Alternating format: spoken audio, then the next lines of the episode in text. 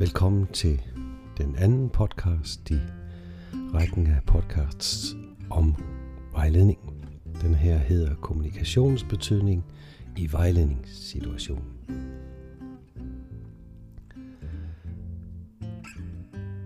Alt evidens har efterhånden påvist, at relation har en grundlæggende betydning for vejledning i det hele taget for alt former for feedback, supervision osv.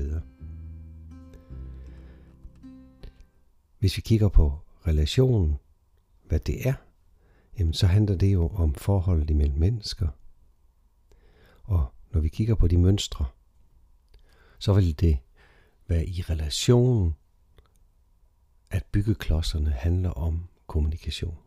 Både det talte sprog, kropssproget, indretning, rammer osv. osv.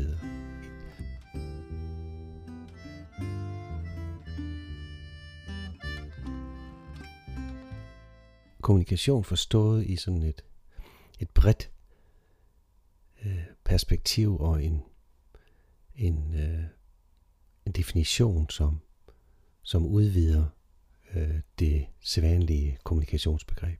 Altså mennesket forstås i forhold til og i relation med hinanden. Den øh, relationelle kompetence bygger på en antagelse om, at den her mellemmenneskelige kommunikation er til for at etablere, opretholde og forandre relationer. Mens relationen på sin side bestemmer måden, kommunikationen foregår på. Og det er et citat hentet både fra Václavich og Heide og Eide øh, i deres bøger.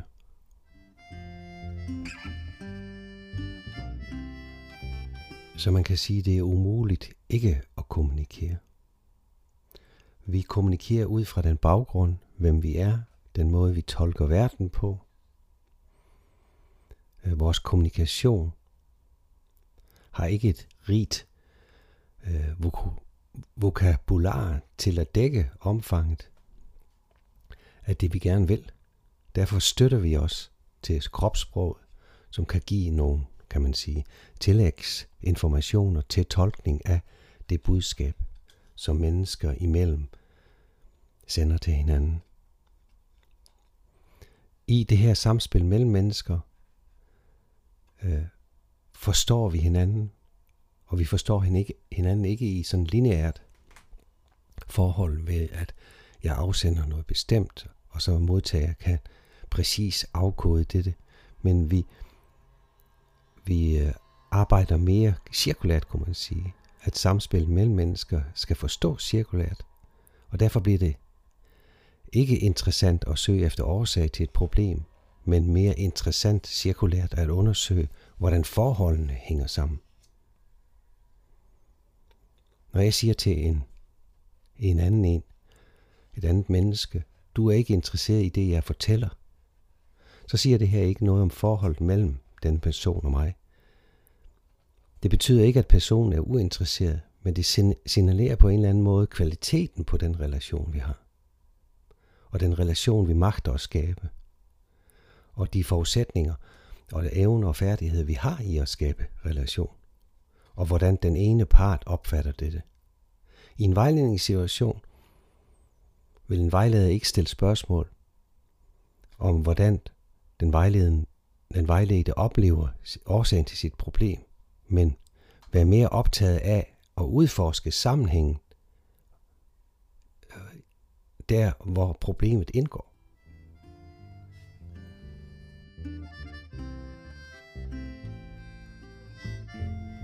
Så samtidig med, at vi som vejleder indleder en sag og et indhold, så vil relationen hele tiden spille med. Og den vejer lige så tungt som selve, selve indholdet. Den kører parallelt med sagen og defineret på den måde forholdet imellem vejleder og, vejl og den vejledte. Og på den måde bliver der tilkendegivet forskellige følelser, forskellige holdninger, forskellige meninger gennem både ord og kropssprog. Hvis vi for eksempel udtrykker for negative holdninger til hinanden, vil det komplicere arbejdet og vejledningen, og det komplicerer løsningen af den problemstilling. Og det gælder både ord og kropssprog. Og derfor skal vi være opmærksomme som vejledere på, hvordan det er, vi kommunikerer. At vi for eksempel ikke siger ja, ja og ryster på hovedet, som om det var et nej. Eller at vi trækker armen op og kigger på uret øh, flere gange i løbet af en vejledningstime, fordi det signalerer, signalerer en, et bestemt budskab. Jeg har i min bog øh, øh, beskrevet Václavic og Friedemann Schulz von Thuns teorier omkring det med budskaber i kommunikation, og den tyske forsker og professor Friedemann Schulz von Thun siger, at der altid er fire budskaber, øh, mindst fire budskaber i kommunikationen. Og det vil sige, at jeg udtrykker noget om mig selv, som for eksempel vejleder, men jeg udtrykker også noget om relationen. Og det vil sige, at jeg udtrykker noget om den, jeg sidder over for den vejledte. Samtidig er der et bestemt indhold selvfølgelig, som jeg gerne vil øh, bringe på banen, men også en, en agenda, eller vi kan sige, jeg vil noget med min kommunikation. Der er en mening med det. Jeg har et bestemt formål. Og, når, og hvis vi skifter, efter, når den vejledte skal respondere, så vil han udtrykke det på nøjagtig samme måde, efter at han har tænkt, hvad er du for en, du vejleder? Hvad skal jeg gøre med den melding, du kommer med? Hvad siger du om mig i den måde, du taler til mig på? Og, og hvad hedder det nu? Øh, og hvad er det for et indhold, der egentlig er, er på spil? Er det dit eller mit indhold? Er det mig, der ejer indholdet her i vejledningssituationen, eller er det dig som vejleder? Det er sådan nogle spørgsmål, man skal stille sig selv. Man skal blive god til at analysere sin egen kommunikation, for at kunne blive bedre til at give en kvalificeret vejledning.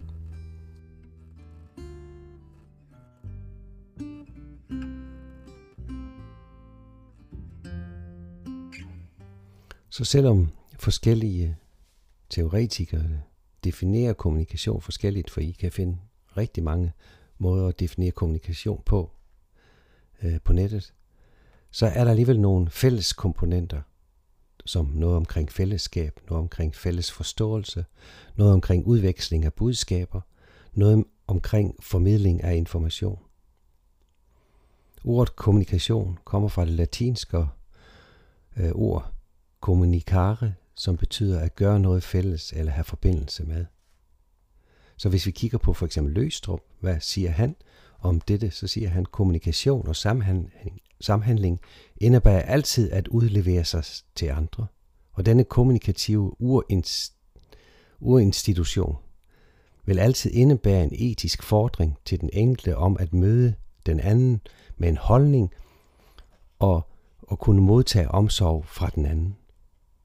Og det er jo måske lige præcis det, det handler om. Det vil sige, hvis jeg bare lader tingene være, lasse færre, lad den vejlede være, optage ham selv hele tiden og udtrykke sig, og have frit valg i, hvad han vil gøre, så er det uansvarligt, siger Løstrup. Men det vil også være uansvarligt, at det er mig som vejleder, at jeg hele tiden fører ord, og jeg hele tiden vil et bestemt sted hen. Altså det må være en balance i, i dette forhold. Jeg illustrerer det i min bog som et liggende otte-tal, altså der skal, der skal hele tiden foregå en, en cirkulær bevægelse imellem øh, den vejledte og vejlederen.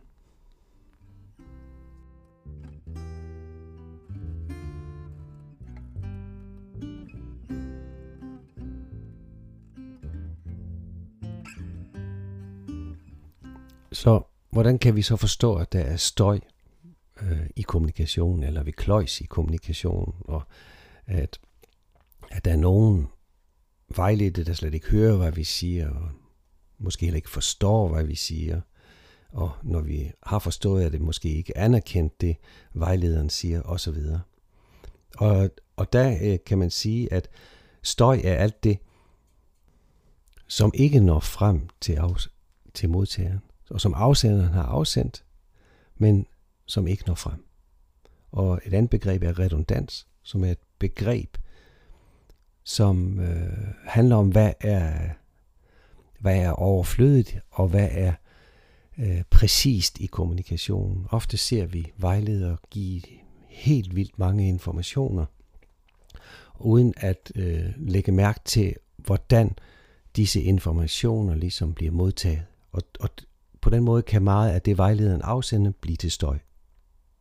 Så vi skal skabe redundans, vi skal skabe et sprog, øh, som modtageren vil kende, genkende.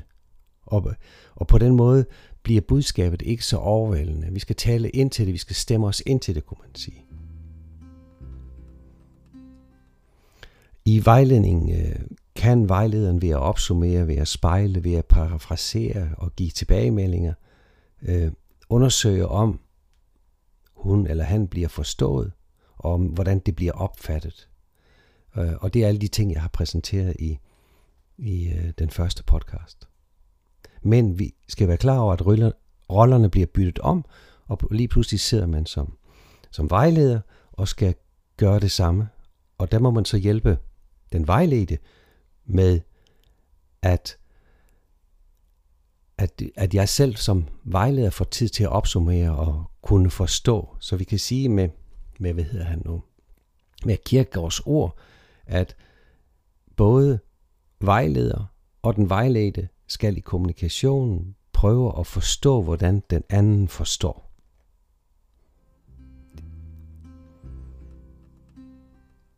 Eller med andre ord, som Levinas siger, at i, i det øjeblik, at vi sender et budskab,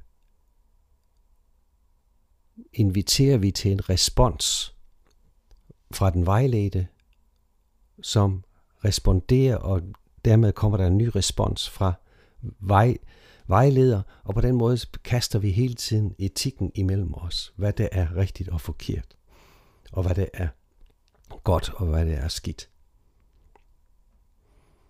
Så i vejledning er det vigtigt at teste, om budskabet bliver opfattet og forstået, som det var ment, men det er også afgørende, at, vej, at den vejledte analyserer sit eget bidrag og lytter til egne meninger og refleksioner, så hun kan tage stilling til, om det er fornuftigt, og om de ting, man har på dagsordenen, kan bruges, eller de skal forkastes. Så derfor bliver tilbagemeldinger, tilbagemeldinger eller en form for feedback, bliver vigtigt i kommunikationen. Fordi at på den måde bliver kommunikationen til noget gensidigt, og på den måde bliver kommunikationen til noget cirkulært, som handler om det, man kan gøre sammen.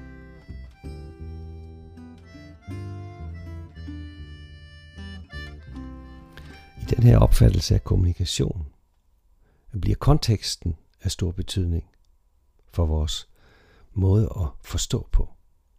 Bateson øh, siger noget om konteksten, ved at han siger, at uden kontekst har ord og handling ingen mening.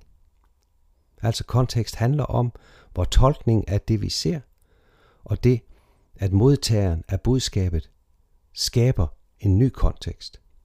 Så i en vejledningssamtale, når vi for eksempel undlader at sige noget til den vejledte, og er det, er det også en måde at kommunikere på, og omvendt, hvis den vejledte undlader at sige nogen ting. Intet budskab er også et budskab. Vi kan ikke ikke kommunikere. Nogle gange kan sådan nogle, øh, at vi undlader noget, opfattes meget klart, når de indgår i en bestemt kontekst, og så vil det skabe stor usikkerhed. Men i andre sammenhænge kan det virke meget øh, befordrende. Og, og på den måde skal vi hele tiden kunne balancere i forhold til, hvad er vigtigt at sige, og hvad er vigtigt ikke at sige, hvad er vigtigt at lytte til, hvad er vigtigt at, og måske øh, lade være med at lytte til. Er der noget, den vejledte siger, som vi skal overhøre? Så derfor, derfor er der mange, der taler om, at vejledning er en form for kunstart, og det vil jeg give dem meget ret i. Så hvor effektiv kommunikationsprocessen er, det afhænger af den sammenhæng, det foregår i. Form og tone, ordvalg og indhold er forskelligt, når du for eksempel snakker med din chef i forhold til, når du snakker med alle mulige andre. fysiske forhold gør også øh, noget ved kommunikationen. Det er, det er forskelligt at sidde i en bus og snakke i forhold til at sidde i et klasseværelse, i forhold til at sidde ved et vejledningsbord. Altså kommunikation foregår i en kontekst, og konteksten sætter rammer. Man kunne også sige, eller det er der mange teoretikere, der siger, at al vejledning er kontekstfølsomt. Men vi kan sige, at relationen er stabil, så længe man accepterer rammerne, og at de accepteres af alle deltagerne i vejledningen.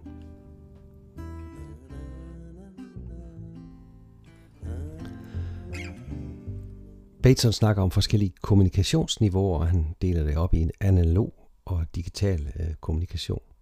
Det enkelte ord er det digitale niveau. Mens vi kan sige, at ordvalg og sætningsopbygning er på det analoge niveau. Det analoge niveau refererer på mange måder altid til relation. Og til det her analoge niveau hører også sådan ledsagende signaler, kropsholdning, stemmeleje, tonefald, ansigtsudtryk. Og på den måde bliver det, det niveau, det bliver mangetydigt, og derfor kan det tolkes af andre i kommunikationen. Og derfor bliver vi nødt til, når vi arbejder som vejleder, at lave et eller andet prøvende tolkningsniveau. Altså holder min hypotese om det, jeg ser i, mi, i min vejledning, kan jeg på en eller anden måde ved hjælp af en vejledningsværktøj efterprøve om, om jeg har forstået det her, som den vejledte siger, på den rigtige måde. Altså vi bliver nødt til at tillære os nogle teknikker, som metakommunikation eller opsummering og andre ting, til at finde ud af, øh, om vi bliver forstået, og om budskaberne er de rigtige.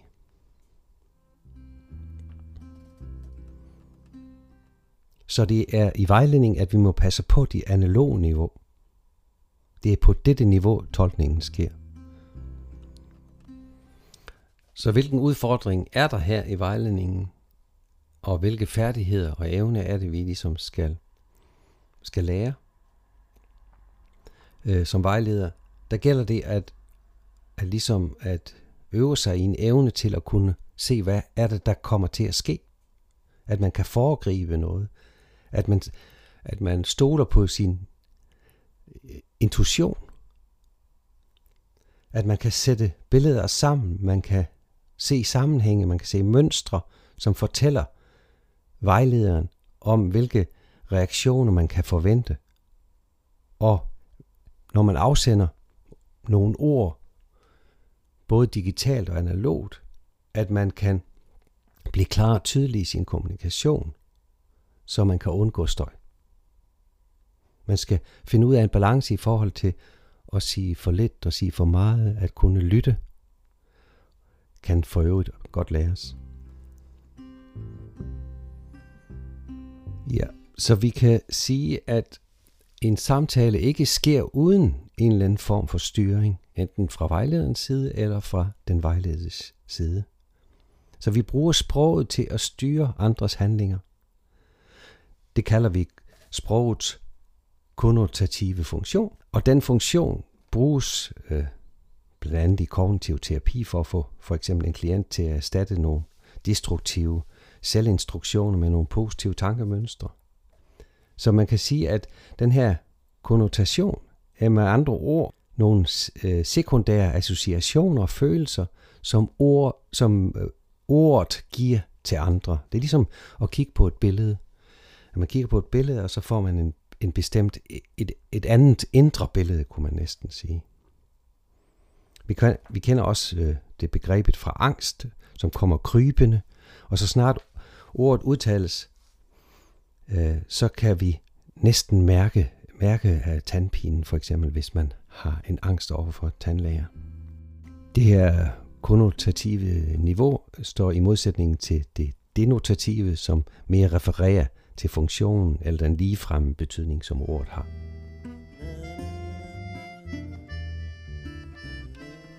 Når vi taler om kropssprog, så kan det både være et nik, som ikke ledsages af, af det verbale, men, øh, eller tommelfingeren op og andre ting, som vi kender til. Men øh, meget af det krop, kropssprog, vi benytter os af, er et supplement til det, vi, vi verbalt udtaler. Og her kan tempoet have også betydning. Så når vi betoner noget vigtigt i et budskab, så bruger vi kroppen, så bruger vi tempo, så bruger vi pauser. Vejlederen må opøve nogle evner til at kunne betone, til at kunne bruge sit stemmeleje. Hvornår skal jeg gå dybt ned i stemmen, og hvornår skal jeg mere øh, rejse min stemme lidt højere op. Hvornår skal jeg gå ned i tempo, og hvornår skal jeg snakke rigtig hurtigt, og så og med hvilken rytme skal jeg gøre det. Og på den måde kan man skabe et flow i, øh, i vejledningssamtalen. Hvis man så gør disse ting, vi kunne tale om de her analoge aspekter, så tillægger vi ordene en kropsdimension. Øjnene er noget helt for sig. Så vi kan se ind i øjnene, og det er et signal om, at vi ønsker kontakt. Og hvis dette ønske bliver besvaret med et øh, tilsvarende blik, så ved vi, hvor vi er på vej. Man kan sige, at folk, som søger øjenkontakt, når de snakker, virker troværdige og oprigtige. Og personer, som har stærkt behov for at give hjælp og trøst, søger øjenkontakt i meget højere grad end andre. Men der er også nogen, som ikke har den samme måde at kunne se hinanden i øjnene, har behov for det samme måde at, at kunne se hinanden i øjnene. Og på den måde skal man arbejde med den vejledte, ligesom at fornemme, at vedkommende har et frit valg i forhold til at kunne se på vejleder og kunne se ud i den tomme luft, hvis man kan sige det sådan. Vi tillægger som et budskab øjenkontakten noget bestemt. Når vi ser på fjernsyn for eksempel nogle sportsudøvere, øh, lige efter en kamp bliver interviewet, jamen så, så søger deres blik alle mulige steder hen. Men man kan stille sig selv det spørgsmål, er det så et udtryk for, Øh, at de er utrygge? Modsat kan man også sige, at, en, at når man har en styrke i øjenkontakten, tyder det på venlighed, åbenhed, tryghed. Det at man er koncentreret om et eller andet.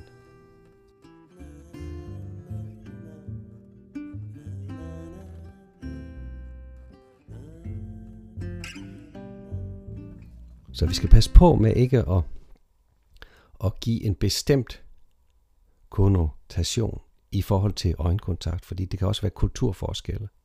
Jeg tænker, uden at vide det helt præcis, med at, at en, en japaner vil se på et andet menneske på en anden måde, end jeg øh, vil som øh, europæer. Vi har halvløftede øjenbryn, der måske er noget med skepsis. Vi har halvlukkede øjne, som betyder kedsomhed måske. Vi har lukkede øjne, som betyder noget bestemt. Mundviger, som peger op og ned, osv. osv. Men vi skal også være opmærksom på en naturlig måde at være på. Ofte ja, det med at lægge hænderne over kors på maven, øh, er mange kommunikationsteoretikere blevet brugt som et signal eller et budskab om, at ikke længere hertil, eller nu opbygger jeg en mur, øh, øh, og som betyder, at nu skal du ikke gå længere eller andre ting. Men for mange mennesker kan det at, at stå i den position bare betyde velvære. Så konteksten bliver den afgørende faktor i forhold til at lave en prøvende tolkning og ligesom afprøve om, hvad det er, den vejledte mener med det kropssprog, som han eller hun udsender. Og igen kan metakommunikation her blive et vigtigt element. Eller en spejling, at man selv lægger hænderne på kors. Hvad, hvad betyder det så for, for den anden, man kommunikerer med? Så for at kunne kommunikere på en hensigtsmæssig måde i vejledningen situationen, må vi reagere på, hvad disse forskellige, for eksempel ansigtsudtryk, de signalerer.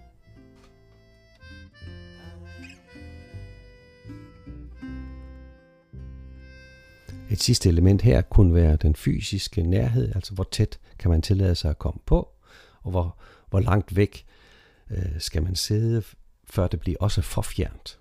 Og der har vi alle sammen vores egne personlige grænser i forhold til det, Og det, igen må vi afprøve, hvad der virker bedst.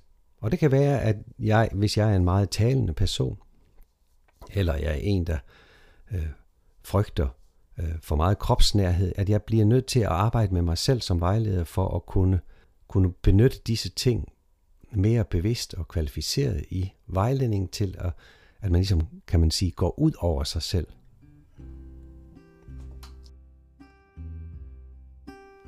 Ja, jeg tænker, at det var egentlig nok for i dag. At der var nogle, nogle tanker omkring, hvad kommunikation betyder i vejledning.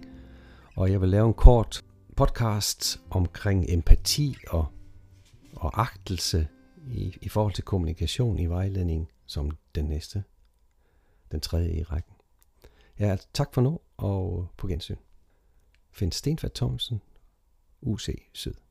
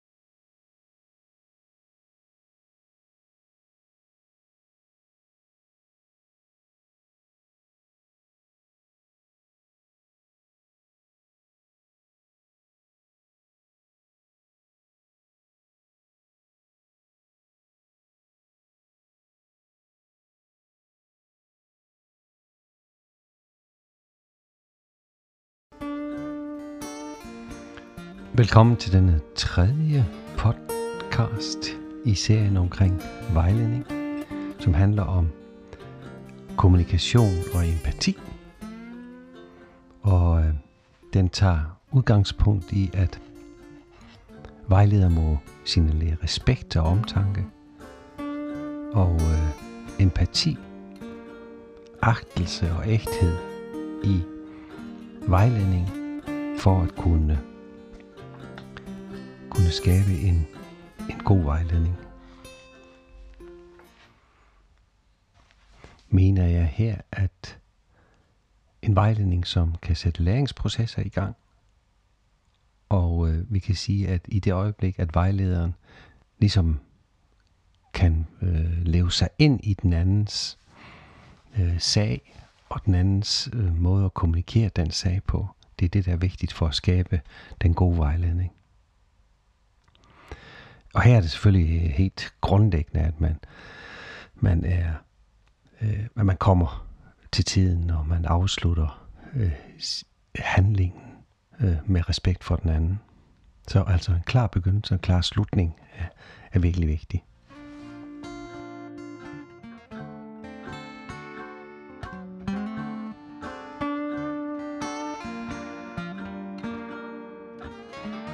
Denne podcast tager udgangspunkt i Carl Rogers tænkning i forhold til, øh, hvad personcentreret vejledning er.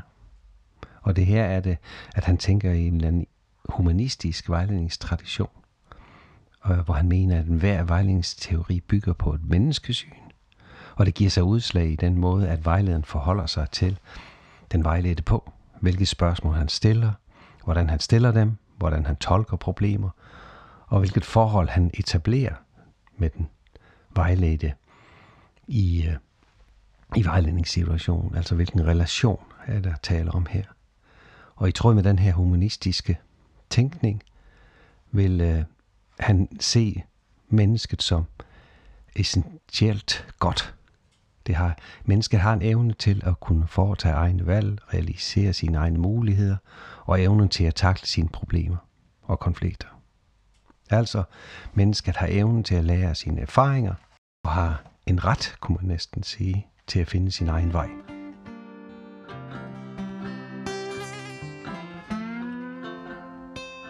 På den måde vil mennesket blive opfattet som rationelt, socialt, fremtidsrettet og et realistisk væsen. Så man kan egentlig sammenligne med, hvad er det, man skal gøre.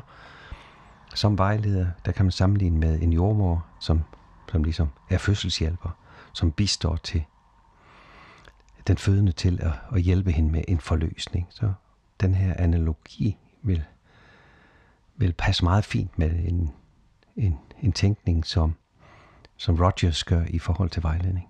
Hjælp til selvhjælp bliver så øh, kernen i, i det arbejde, som vejleder skal foretage.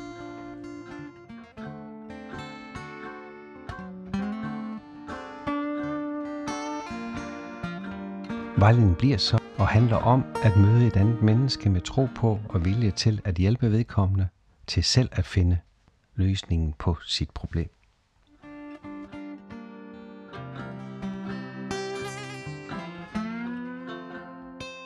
Råd fra vejleder i den her person, personcentrerede vejledning være noget, man ikke gør så meget af. Det er ikke forbudt at bruge det, men, øh, men råd kan kan benyttes, når, når den vejledte klart beder om det, og hvis, øh, og hvis det ligesom øh, falder naturligt i det her vejledningsforløb.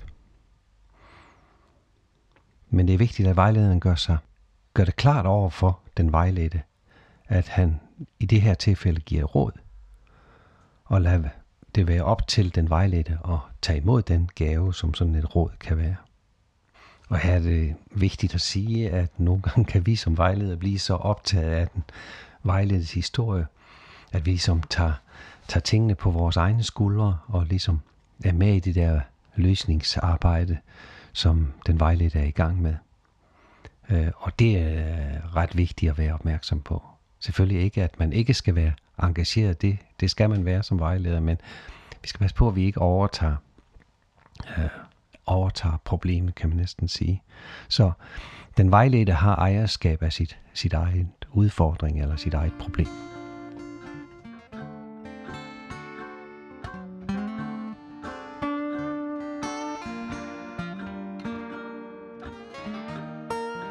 Den her balance, en balance imellem, at den vejledte finder løsninger selv, og øh, hvordan man minimerer de, de gode råd.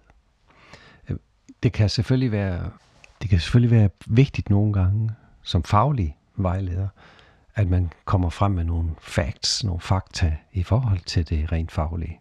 Og der er det jo helt klart, at der bliver der en informativ del af, af vejledningen, øh, vil så have en, en, en større vægt. Så Rogers, han, øh, han kommer frem med to idéer om, hvordan man fremmer en en god kommunikation. Og det ene er, at vi ikke dømmer eller bedømmer det udsagn øh, fra den vejledte. Det mener han, at det er den væsentligste faktor for, at man blokerer eller man hindrer øh, den øh, kommunikation. Det andet er, at det er vigtigt øh, at, at forbedre eller facilitere kommunikation. Og det vil sige, at, at man øh, lytter med forståelse. Så Nummer et var at indtage en ikke-vurderende holdning, og nummer to er at lytte med forståelse. Der kommer her et citat af Rogers, som siger, hvis jeg kan lytte til, hvad han kan fortælle mig, hvis jeg kan forstå, hvordan det fortoner sig for ham, hvis jeg kan opfatte hans personlige mening, hvis jeg kan kende den emotionelle følelse, som vækkes i ham, vil jeg kunne forløse kræfter, så han kan skabe en forandring. Så vi kan sige, at empati har noget med forandring at gøre. En, en empatisk forståelse er en effektiv måde at få øh, forandringer til at ske. Og den her forståelse handler ikke om en forståelse om en person, men mere en forståelse sammen med en person. Altså den kommunikation, den refleksion, der sker i at forstå. Og igen bliver det interessant, som Kierkegaard siger, at prøve at forstå, hvordan den anden forstår.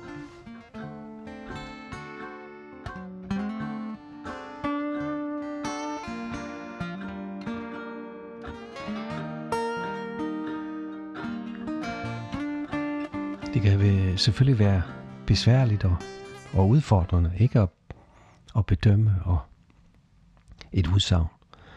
Så det, måske skal man hellere skifte ud med, at vi analyserer et udsagn Øh, fordi det giver os en mulighed for også at kunne se det anderledes end sådan meget dogmatisk at bestemme sig til, at øh, det var dog forfærdeligt, det udsagn. Så vejlederen må intuitivt øh, arbejde med sine kommunikative kompetencer. Og her er intuitionen, det vil, det vil være en form for automatisering af, af det, jeg talte om både i podcast 1 og 2 i forhold til, hvordan man kommunikerer og hvilke budskaber man sender. Så det vigtige er her at tage den vejledes perspektiv og ligesom at kunne finde ud af, hvilken position skal jeg så som, som vejleder kommunikativt præsentere for at skabe den her forløsning. Skal jeg virke provokerende? Skal jeg virke plisende og have omsorg? Skal jeg forstyrre lidt? Skal jeg fremhæve nogle bestemte ting? Og så videre, så videre, så videre.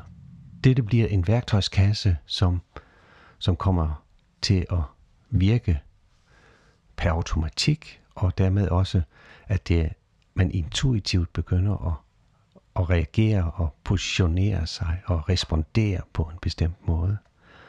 Og det kan nogle gange være svært, når man oplever, at man faktisk indtager nogle af de samme positioner også i sit privatliv.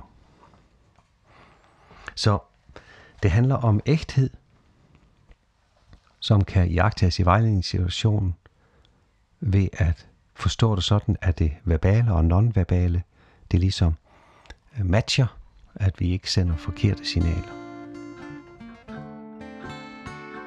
Om åbenhed. Åbenhed over for de erfaringer og de, den vilje, der bliver kommunikeret med. Jeg giver mig ud for at være den, jeg er som vejleder. Så evnen til at kommunikere egne erfaringer er to grundlæggende processer. At lære at lytte og blive bevidst om egne tanker og følelser i forhold til den vejledte og kommunikere denne bevidsthed.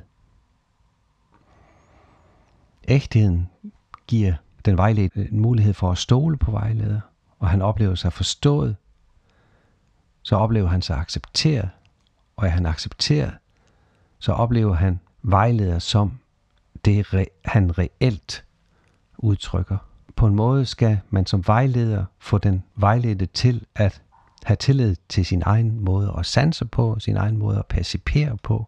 Det bliver en form for mediering, kan man sige, at vi sammen finder ud af i vejledningsrummet, hvad der har betydning lige her og nu. Hvad er det, den vejledte oplever? Og så i forhold til output, kan den vejledte så få hjælp til at finde ud af, hvad er det så for et output, jeg skal skabe. Og her handler det ikke om gode råd, råd men om en måde at stille nogle spørgsmål på, der, der kunne være, jamen det du, den tanke du får lige nu, hvordan kunne den omsættes til, til virkeligheden? Hvad vil du gøre i morgen? Hvad, hvad kunne sådan være strategien, eller vejlederen skal stille nogle strategiske spørgsmål i forhold til at komme videre. Og den vejledte skal lære at stole på sin sansning i vejledningsrummet. Derfor er den her ægthed øh, nødvendig.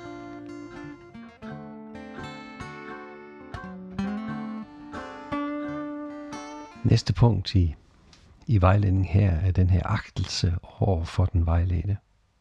Først havde vi den her ægthed, og nu kommer den her respekten eller agtelsen.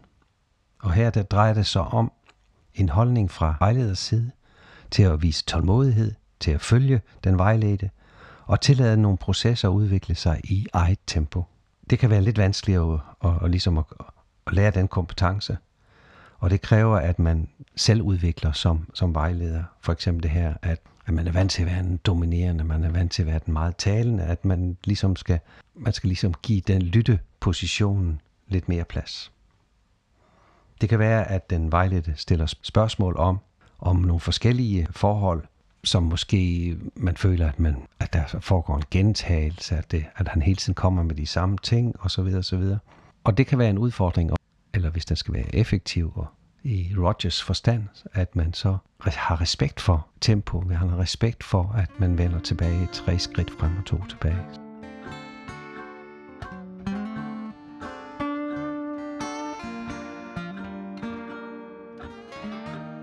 Så den her agtelse indebærer også, at man som vejleder accepterer sider ved den anden, som han har svært ved at godtage. Det betyder, at vi skal respektere den anden, uden at vi nødvendigvis accepterer al hans adfærd eller alle hans handlinger. Vi må, vi må adskille mellem, hvad der bliver gjort og hvem de er. Fordi at skyldfølelse hos den vejledte kan blokere for, for nogle af de løsninger, som han selv skal finde. Så hvis vi ser de her ting ud fra en lærings, et læringsperspektiv, så vil Illeris sige, at læring kan bruges og huskes, når den læres i en sammenhæng, hvor de psykodynamiske dimensioner indgår i læreprocessen. Det handler så om, hvordan den vejledte oplever situationen, og hvilken motivation og følelser, der bliver knyttet til den læring. På den måde kan man skabe refleksion. En refleksion, som er en eftertanke, hvor vi tænker nærmere om noget. Vi spejler en oplevelse eller en forståelse af noget i os selv. Vi fokuserer på betydningen af den og vurderer med egen identitet. Og det er den måde, at vi kan skabe løsningen, eller vi kan sige hjælp til selvhjælp, at løsningen ligger hos, hos den vejledte, og det er den vejledte, der har ejerskab af den udfordring, den problem. Det problem, som, som øh, man kommer med i vejledningssituationer. Og den, som har taget rollen som vejleder, må reflektere over, hvad der lykkes, og hvad man kan gøre anderledes. På den måde bliver det metalæring, der foregår i vejledningssituationen, altså lære at lære, og den læring sker via refleksion over hændelserne. Så både den vejledte reflekterer, men også vejleder reflekterer over det møde og den handling og den kommunikation, der sker i det møde.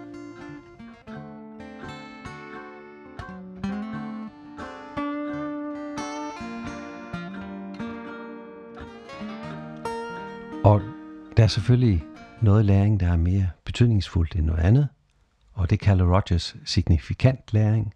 Og det er her, hvor læring involverer hele personen, både følelser og kognition og, og hele kroppen. Og den måde, at den læring bliver selv tilegnet, kan man sige.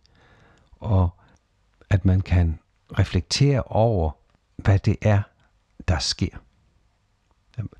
Daniel Stern han kalder, om, kalder det big moments, altså der er nogle, nogle øjeblikke, der er mere vigtige end andre. Og at denne læring ikke kun foregår på et eller andet tilpasningsniveau, men også foregår som en kreativ proces, hvor man i relationen øh, skaber øh, innovation.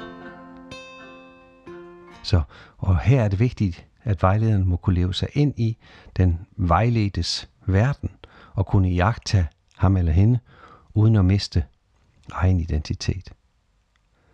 Vejlederen må opleve, at man erfarer nogle holdninger hos sig selv. Og ligesom at den vejledte må opleve, at den vejleder har nogle holdninger, for at den her type læring kan ske. Rogers han siger, med signifikant læring forstår jeg læring som er mere en akkumulation af kendskærninger.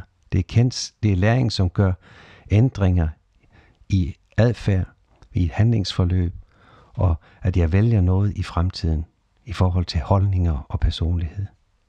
Det er en gennemtrængende læring, som ikke bare forøger viden, men som gennemsyres af alle dele af af menneskets tilværelse.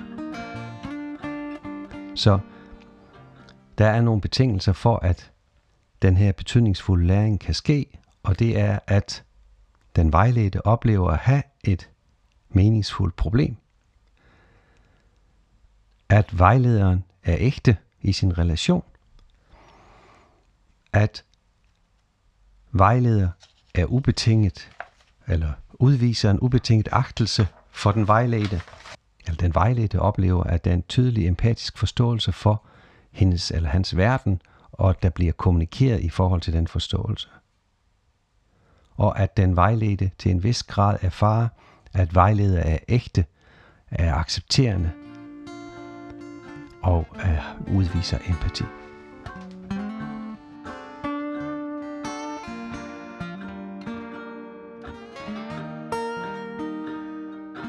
Det der var så podcast nummer 3 i serien i forhold til vejledning, som handlede lidt om læring, lidt om empati og meget omkring Rogers grundforståelse af forandringer og hvordan forandringer sker hos mennesker. Tak for nu. Vi ses.